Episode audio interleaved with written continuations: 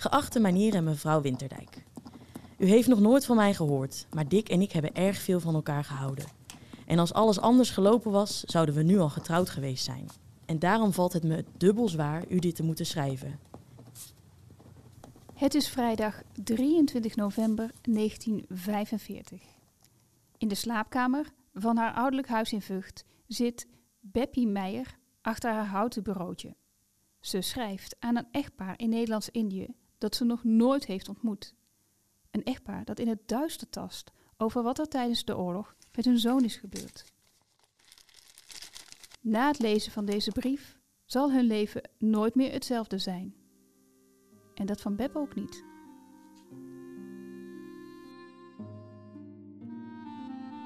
In deze speciale aflevering van het Geheugen van Brabant onderzoek ik wat er werkelijk is gebeurd met Beppie en Dick tijdens de Tweede Wereldoorlog. Aan de hand van hun eigen originele brieven onthul ik hun verhaal.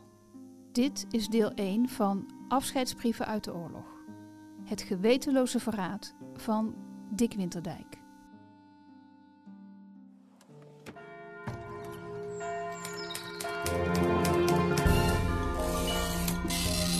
Je luistert naar het geheugen van Brabant. De podcast van het Brabants Historisch Informatiecentrum in Sertogenbos. Dwaal mee door onze archieven op zoek naar de mooiste verhalen van vroeger. Hier is je reisleider op onze speurtocht, Marilou Nilsen.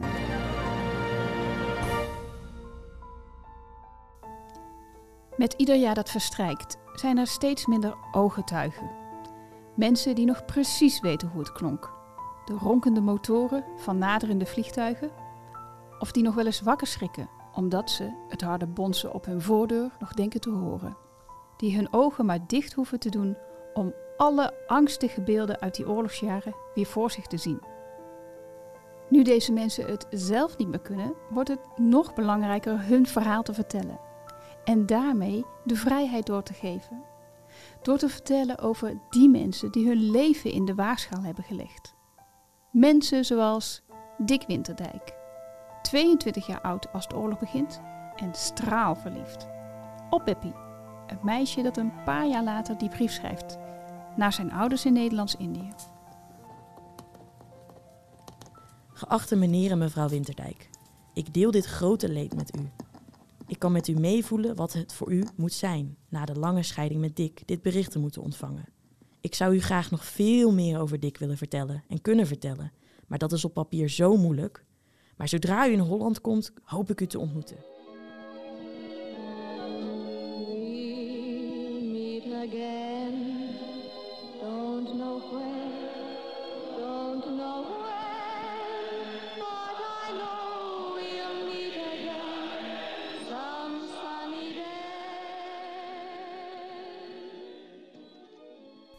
Je denkt misschien dat het verhaal van Dick en Beppie in 1939 begint.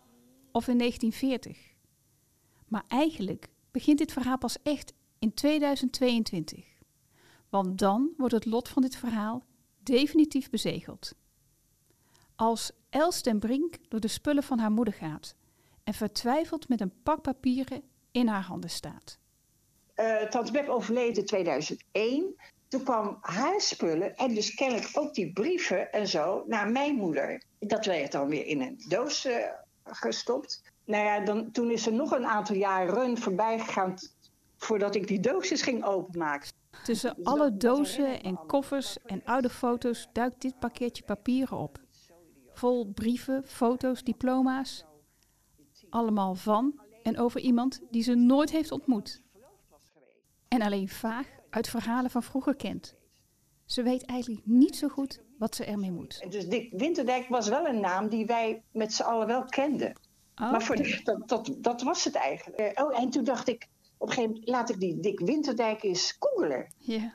Dat was eigenlijk ook de, aan, de kapstok die ik ineens kreeg. En toen kwam ik bij jullie uit. ja. Eh, en toen heb ik ook gebeld. Met het idee van... En per toeval komt het telefoontje uit bij mijn collega Paul. Puur toeval, ja. Want eigenlijk werkt Paul inmiddels aan heel andere projecten dan het aannemen van archieven. Ik ben in eh 80, ja, 87 ben ik begonnen bij eh, de gemeente Sertogenbos als vrijwilliger.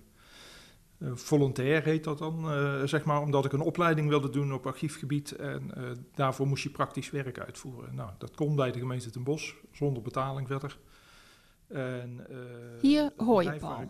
Paul is historicus en werkt als onderzoeker bij het BIC aan allerlei projecten, waaronder aan Brabantse gesneuvelden.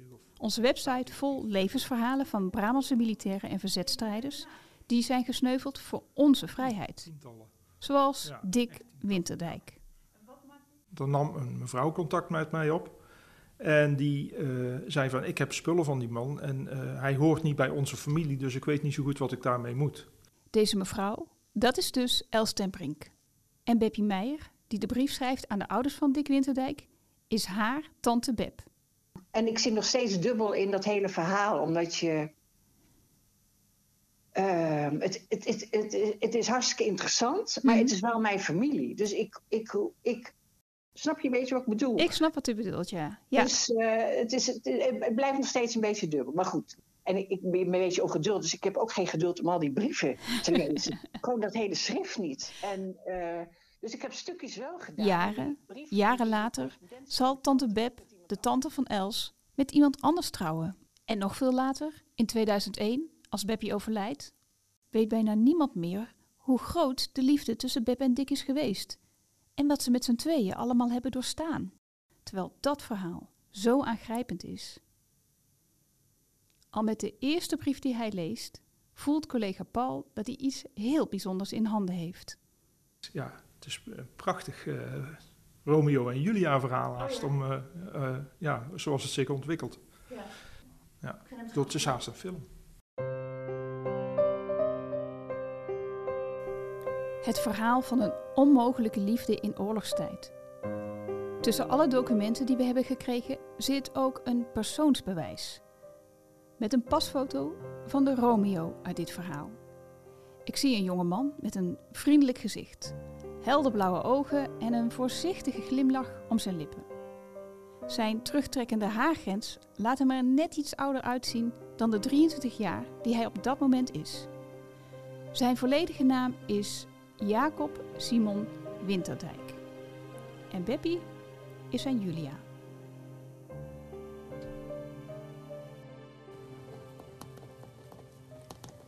Voor ik Dick kende, heeft hij bij de CCD gewerkt in Meidrecht. Daarna bij de NV Philips in 1941, alwaar mijn broer hem ontmoet heeft. En hij daarna ook veel bij ons thuis geweest is. Iedereen die Dick ontmoette en hem leerde kennen, hield van hem en zo heeft Dick bij ons, ook voor wij met elkaar gingen, heel wat weekendjes doorgebracht. Als Dick binnenkwam, scheen de zon en was er leven.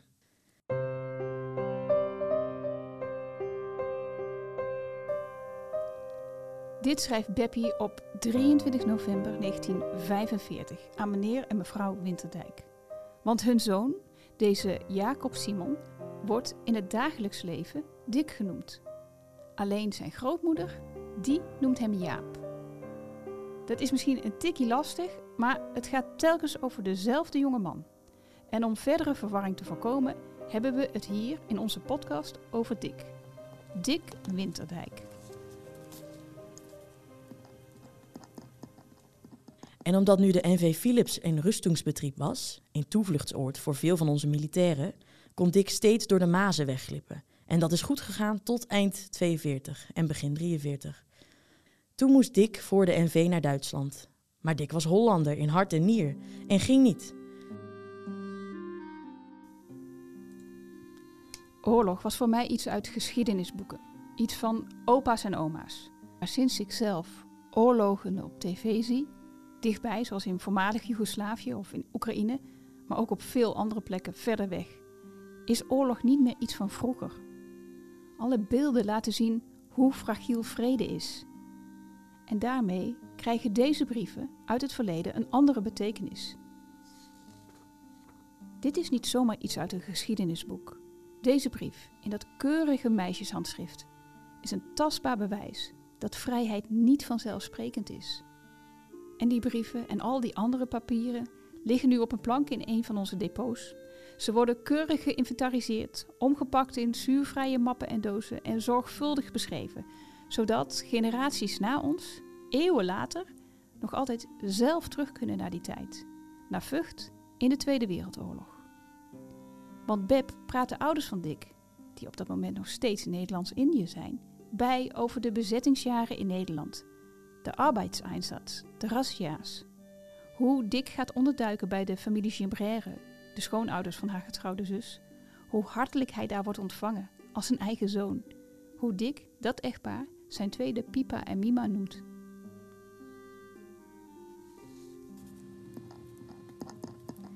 Maar Dick was energiek en hoewel hij geen minuut van de dag stilzat, kon hij toch dit leven niet volhouden.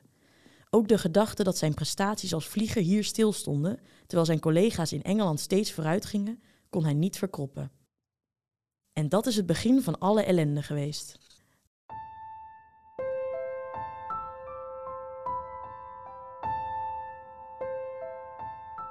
Dick's korte leven is nu teruggebracht tot dit stapeltje documenten voor me.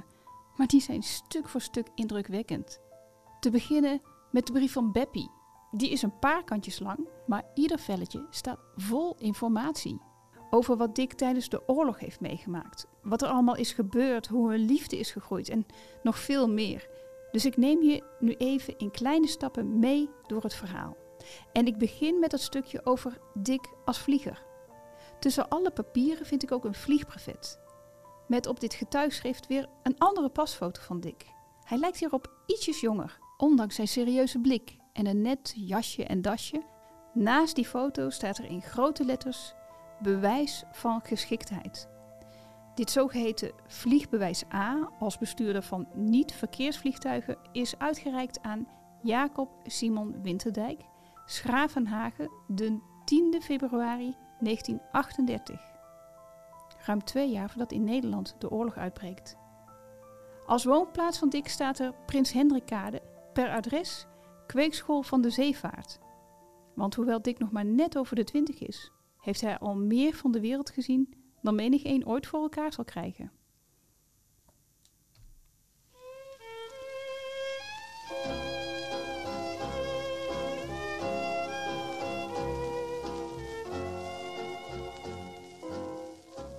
Dick is geboren in Den Haag op 12 december 1918.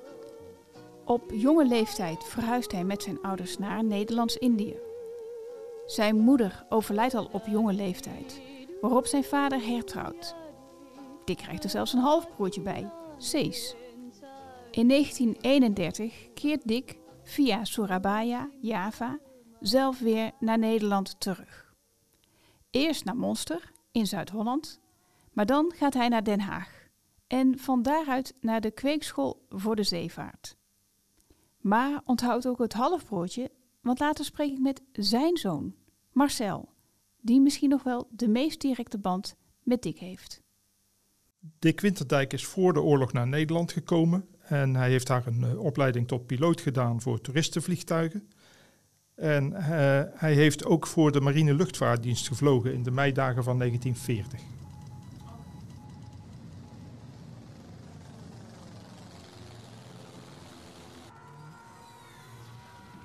Tijdens de oorlogsdagen van 10 tot 15 mei was ik militair vlieger te Schiphol gedetacheerd, van welke basis uit de afdeling, waartoe ook ik behoorde, voortdurend geopereerd heeft. Dick schrijft deze brief op 16 november 1940. Hij heeft dan dus net twee jaar zijn vliegbrevet. En na zijn werk bij de KLM wordt hij gemobiliseerd. Hij vliegt op zowel jagers als op bommenwerpers. Tijdens één van die vluchten gaat het mis. Ikzelf maakte een drietal bombardementsvluchten waarbij mijn machine tijdens de laatste vlucht werd afgeschoten en in brand geraakte. Maar waarbij de gehele bemanning, met uitzondering van den telegrafist, gelukte om per parachute heel huids de grond te bereiken. De laatste van onze 15 machines verloren wij in den ochtend van de tweede Pinksterdag tijdens het bombardement van de Moerdijkbrug, bij welk bombardement ook onder andere mijn goede vriend Douwes Dekker sneuvelde. Hij volgde als derde en laatste het lot van mijn twee andere vrienden, Espeet en Van den As. Wonderlijk genoeg werd van de overige vier niemand ook maar enigszins gekwetst. Hoe Dick terugkijkt op deze heftige gebeurtenissen in zijn jonge leven, weten we niet. Tussen alle documentatie vinden we geen brieven dat hij daar verder op ingaat. Daarom pikken we de draad van zijn verhaal weer op, kort na de capitulatie, als Dick op zoek gaat naar ander werk. Eerst in Meidrecht en dan bij Philips in Eindhoven. Daar gaat hij dan ook wonen, aan de Leenderweg. En bij Philips leert hij de broer kennen van zijn latere verloofde. Dus, en die komt uit Vught, Beb Meijer.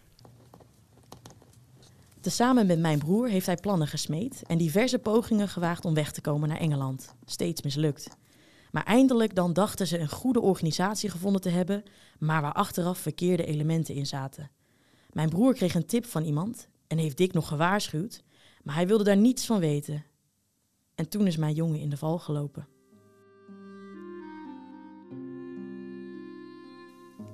Over de schouder van Beppie lezen we mee als ze met haar brief de ouders van Dick informeert.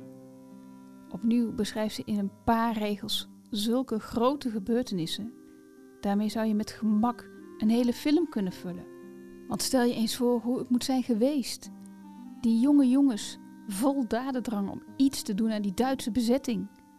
Hun handen jeukend om in actie te komen, in het geheim plannen te maken, op zoek te gaan naar de juiste mensen om hun woorden om te kunnen zetten in daden. En hoe dat verschrikkelijk mis kan gaan. Want ja, er waren verraders, verkeerde elementen, zoals Beb beschrijft. Of beter, één heel verkeerd en levensgevaarlijk element. De kans is groot dat jij wel eens een boek hebt gelezen dat over hem gaat, terwijl je dat nu niet weet. Ik wist het in ieder geval niet, maar ik leg het je zo uit. Eerst terug naar Dick, die in zijn poging om naar Engeland te komen rechtstreeks in de val van de Duitsers loopt. Uh, dienst Wim was een inlichtingendienst. Uh, eind 1942 op verzoek van de Nederlandse regering opgezet door de Belg Gaston van der Meersen. Het was een grote organisatie, ruim 1500 leden actief in België, Frankrijk en Nederland. En het werk omvatte onder andere het verzamelen van militaire en economische gegevens. In Nederland wist Anton van der Waals uh, in het voorjaar van 1943 binnen te dringen in de dienst WIM. Uh, zo kwam hij achter het plan om piloten via een zandplaat in de Waddenzee met een onderzeeër of watervliegtuig te laten ontsnappen. Dick was in eerste instantie niet uh, een van de mensen die zou ontsnappen, maar degene die wel zouden gaan, die hebben afgehaakt, om wat voor reden dan ook. En toen zijn er anderen voor in de plaats gezocht en Dick was er daar één van. En die zijn door Van der Waals naar Apeldoorn gelokt. Want daar zouden ze dan verder uh, instructies krijgen en nou ja, daar zou het een en ander geregeld worden. Maar goed, daar stond dus, uh, stonden de Duitsers te wachten en die hebben ze opgepakt.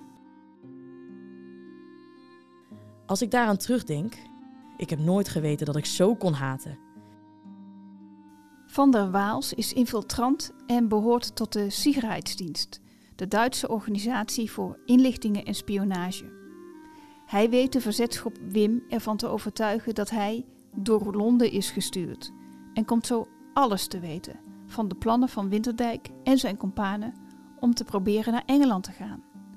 Een enkeling aarzelt en trekt zich terug, zoals de broer van Beb. Maar de acht anderen lopen, door het verraad van Van der Waals, niets vermoedend, rechtstreeks in de armen van de Duitsers.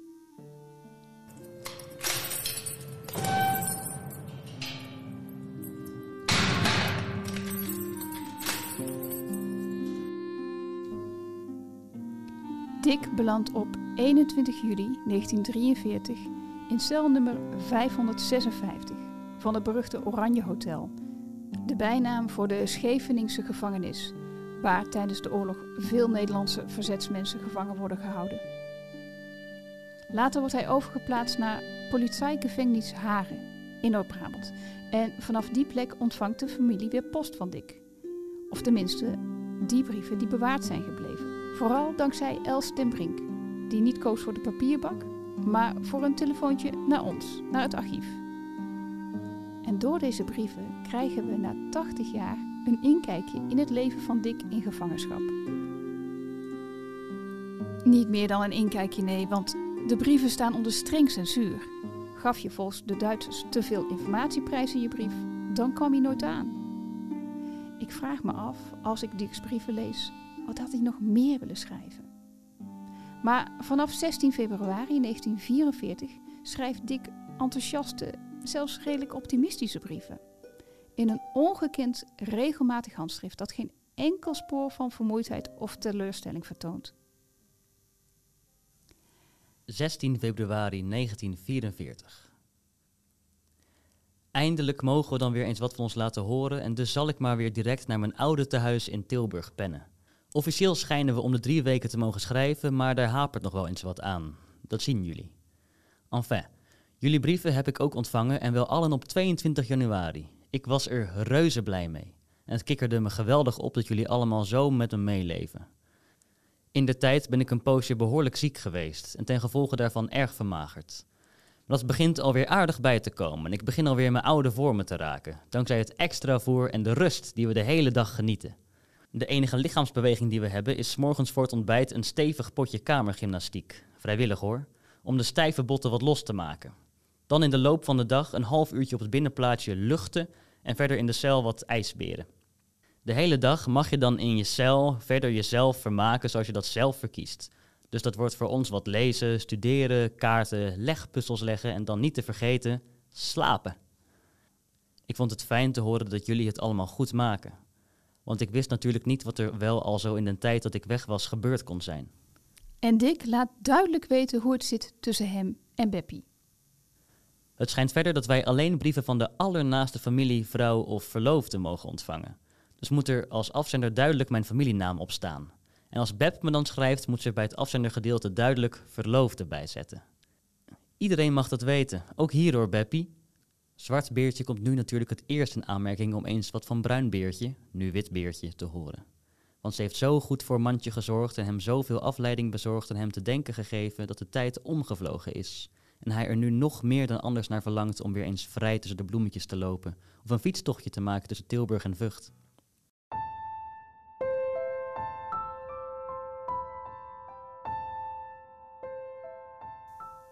Het maakt het voor mij soms bijna pijnlijk. Deze brieven zijn nooit geschreven voor vreemde ogen, ook niet na 80 jaar. Koosnaampjes als Mandje voor Dick en Beertje voor Beb laten me soms voelen als een ongepaste voyeur. Tegelijkertijd is dit de enige toegang tot levens die niemand zich meer kan herinneren. De enige mogelijkheid om de liefde tussen Beppie Meijer en Dick Winterdijk in die bange oorlogsjaren levend te houden. En ik lees dan wel hun eigen woorden, maar ik ken niet hun gedachten daarachter.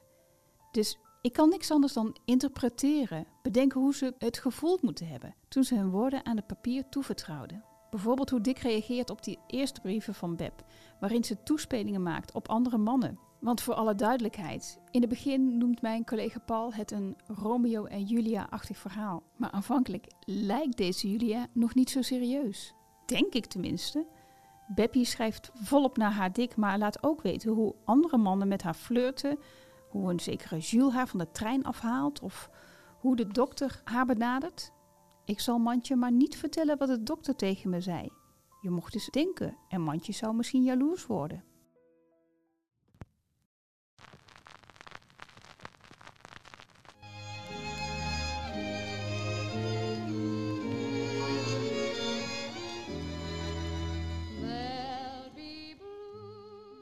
Maar hoe sterk en oprecht hun liefde voor elkaar is, blijkt als Beb na veel inspanning het voor elkaar krijgt om haar Dick een bezoek te brengen in de gevangenis.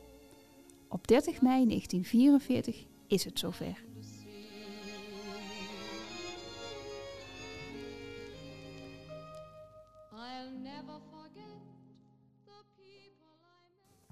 Beppie, je was zo dicht bij me en toch weer zo ver weg. En je zag er zo lief uit dat ik me heb moeten bedwingen om niet over het hek te springen. Wat zou ik ervoor over gehad hebben als ik je maar heel even heel dicht tegen me aan had mogen drukken en je armen om mijn hals had mogen voelen. Maar wat niet is, kan nog komen. En hopelijk komt er nog wel spoedig een tijd dat we in kunnen halen wat we in de voorafgaande tijden tekort zijn gekomen. Want werkelijk, meisje, ik heb je al zo lang lief gehad. Ik geloof zelfs al van de eerste keer dat ik bij jullie kwam.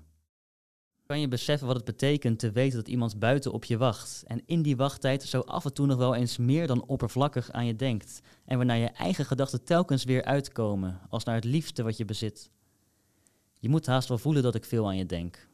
Want ondanks het feit dat ik je zo weinig mag schrijven en zo weinig direct kan vertellen, sta ik toch vaak in contact met je.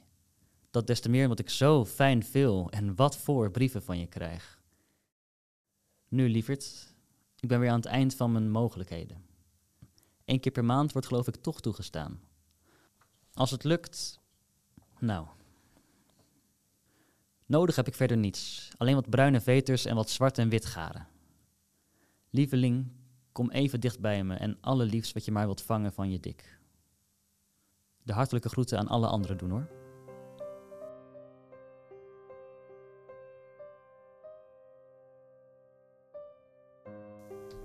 Sinds dat bezoek begint Beb haar brieven ook aan haar enigste lieveling en verklaart ze hem meerdere maals haar liefde. Het is duidelijk dat dit bezoek aan iedere twijfel voor elkaar een einde heeft gemaakt. Beppie heeft dan al hemel en aarde bewogen om haar onofficiële verloofde te kunnen bezoeken. Keer op keer is ze naar het kriesgericht geweest om een bezoekschein te bemachtigen. Net zolang totdat het lukt. Het is dat die oorlog tussen hen in staat. Anders zou niets dit verliefde stel kunnen tegenhouden gezamenlijk verder te gaan. Te trouwen, een gezin te stichten, samen oud te willen worden. Zoals leven van jonge mensen zou moeten gaan. Totdat, kort na die ontmoeting in de gevangenis, er plots weer een brief van Dick op de mat valt. De laatste. Lieve Beppie en alle anderen. Je zult wel verwonderd zijn dat er zo kort op elkaar een paar brieven van mij komen. Iets wat je zeker niet verwacht zult hebben. Het heeft echter zijn reden. Eindelijk, na hier meer dan elf maanden in voorarrest gezeten te hebben, is het proces waarin ik betrokken ben voor de rechter gekomen. Hoewel ik aanvankelijk dacht dat het er wat mij persoonlijk betreft niet zo ernstig voor stond, schijnt de rechter toch van een andere mening geweest te zijn. En heeft mij, evenals het overgrote deel van de mensen van dit spionageproces, ter dood veroordeeld. Het is dan zover. Op 23 juni 1944 verklaart de krijgsraad van de Duitse luchtmacht Dick Winterdijk en 48 andere mannen schuldig aan diverse spionageactiviteiten. En veroordeelt de meeste van hen ter dood. Waaronder ook Dick.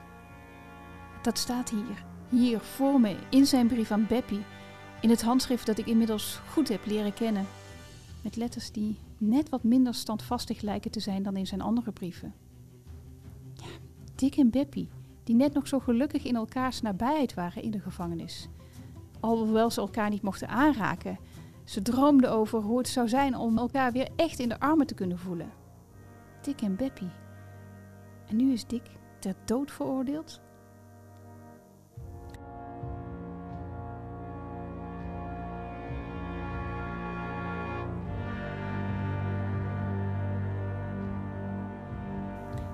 Weet je wat nou zo wrang is?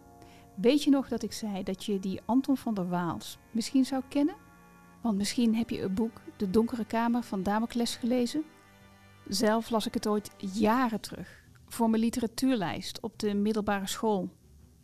Dat boek van W.F. Hermans dat je als lezer voortdurend laat twijfelen over de schuld of de onschuld van de hoofdpersoon? Nou, dat personage is geïnspireerd op Anton van der Waals. De man achter het gewetenloze verraad van Dick Winterdijk. En met hem vele anderen. Een boek is een boek, maar het verhaal van Dick Winterdijk is geen fictief verhaal. Zijn brieven aan Beppie, zijn persoonsbewijs, ja, zelfs die verklaring dat hij een dynamo zaklamp van Philips in bruikleen heeft, het is het enige dat rest. Stille getuige van een man die zijn vrijheidsstrijd met zijn jonge leven moest bekopen. Een naam die bijna in vergetelheid was geraakt, totdat zijn brieven weer boven water zijn gekomen. Ja, achter alle archieven zitten mensen. Hè? En dat, dat komt hier wel heel duidelijk naar boven. In het tweede en laatste deel van het verhaal van Dick Winterdijk hoor je welke strijd Beppie voert om zijn ter dood veroordeling ongedaan gemaakt te krijgen. En ik reis af naar Frankrijk Op zoek naar de laatste aanverwant die meer kan vertellen over Dick Winterdijk en over zijn grafsteen. Dit is een verhaal waarvan, ja, dat, het is haast een cliffhanger, zeg maar. Het, het is, het is een verschrikkelijk verhaal, maar het is, eh, het is heel boeiend. Luister dus vanaf maandag 18 september naar deel 2 van Afscheidsbrieven uit de oorlog. De onmogelijke liefde van Beppie Meijer.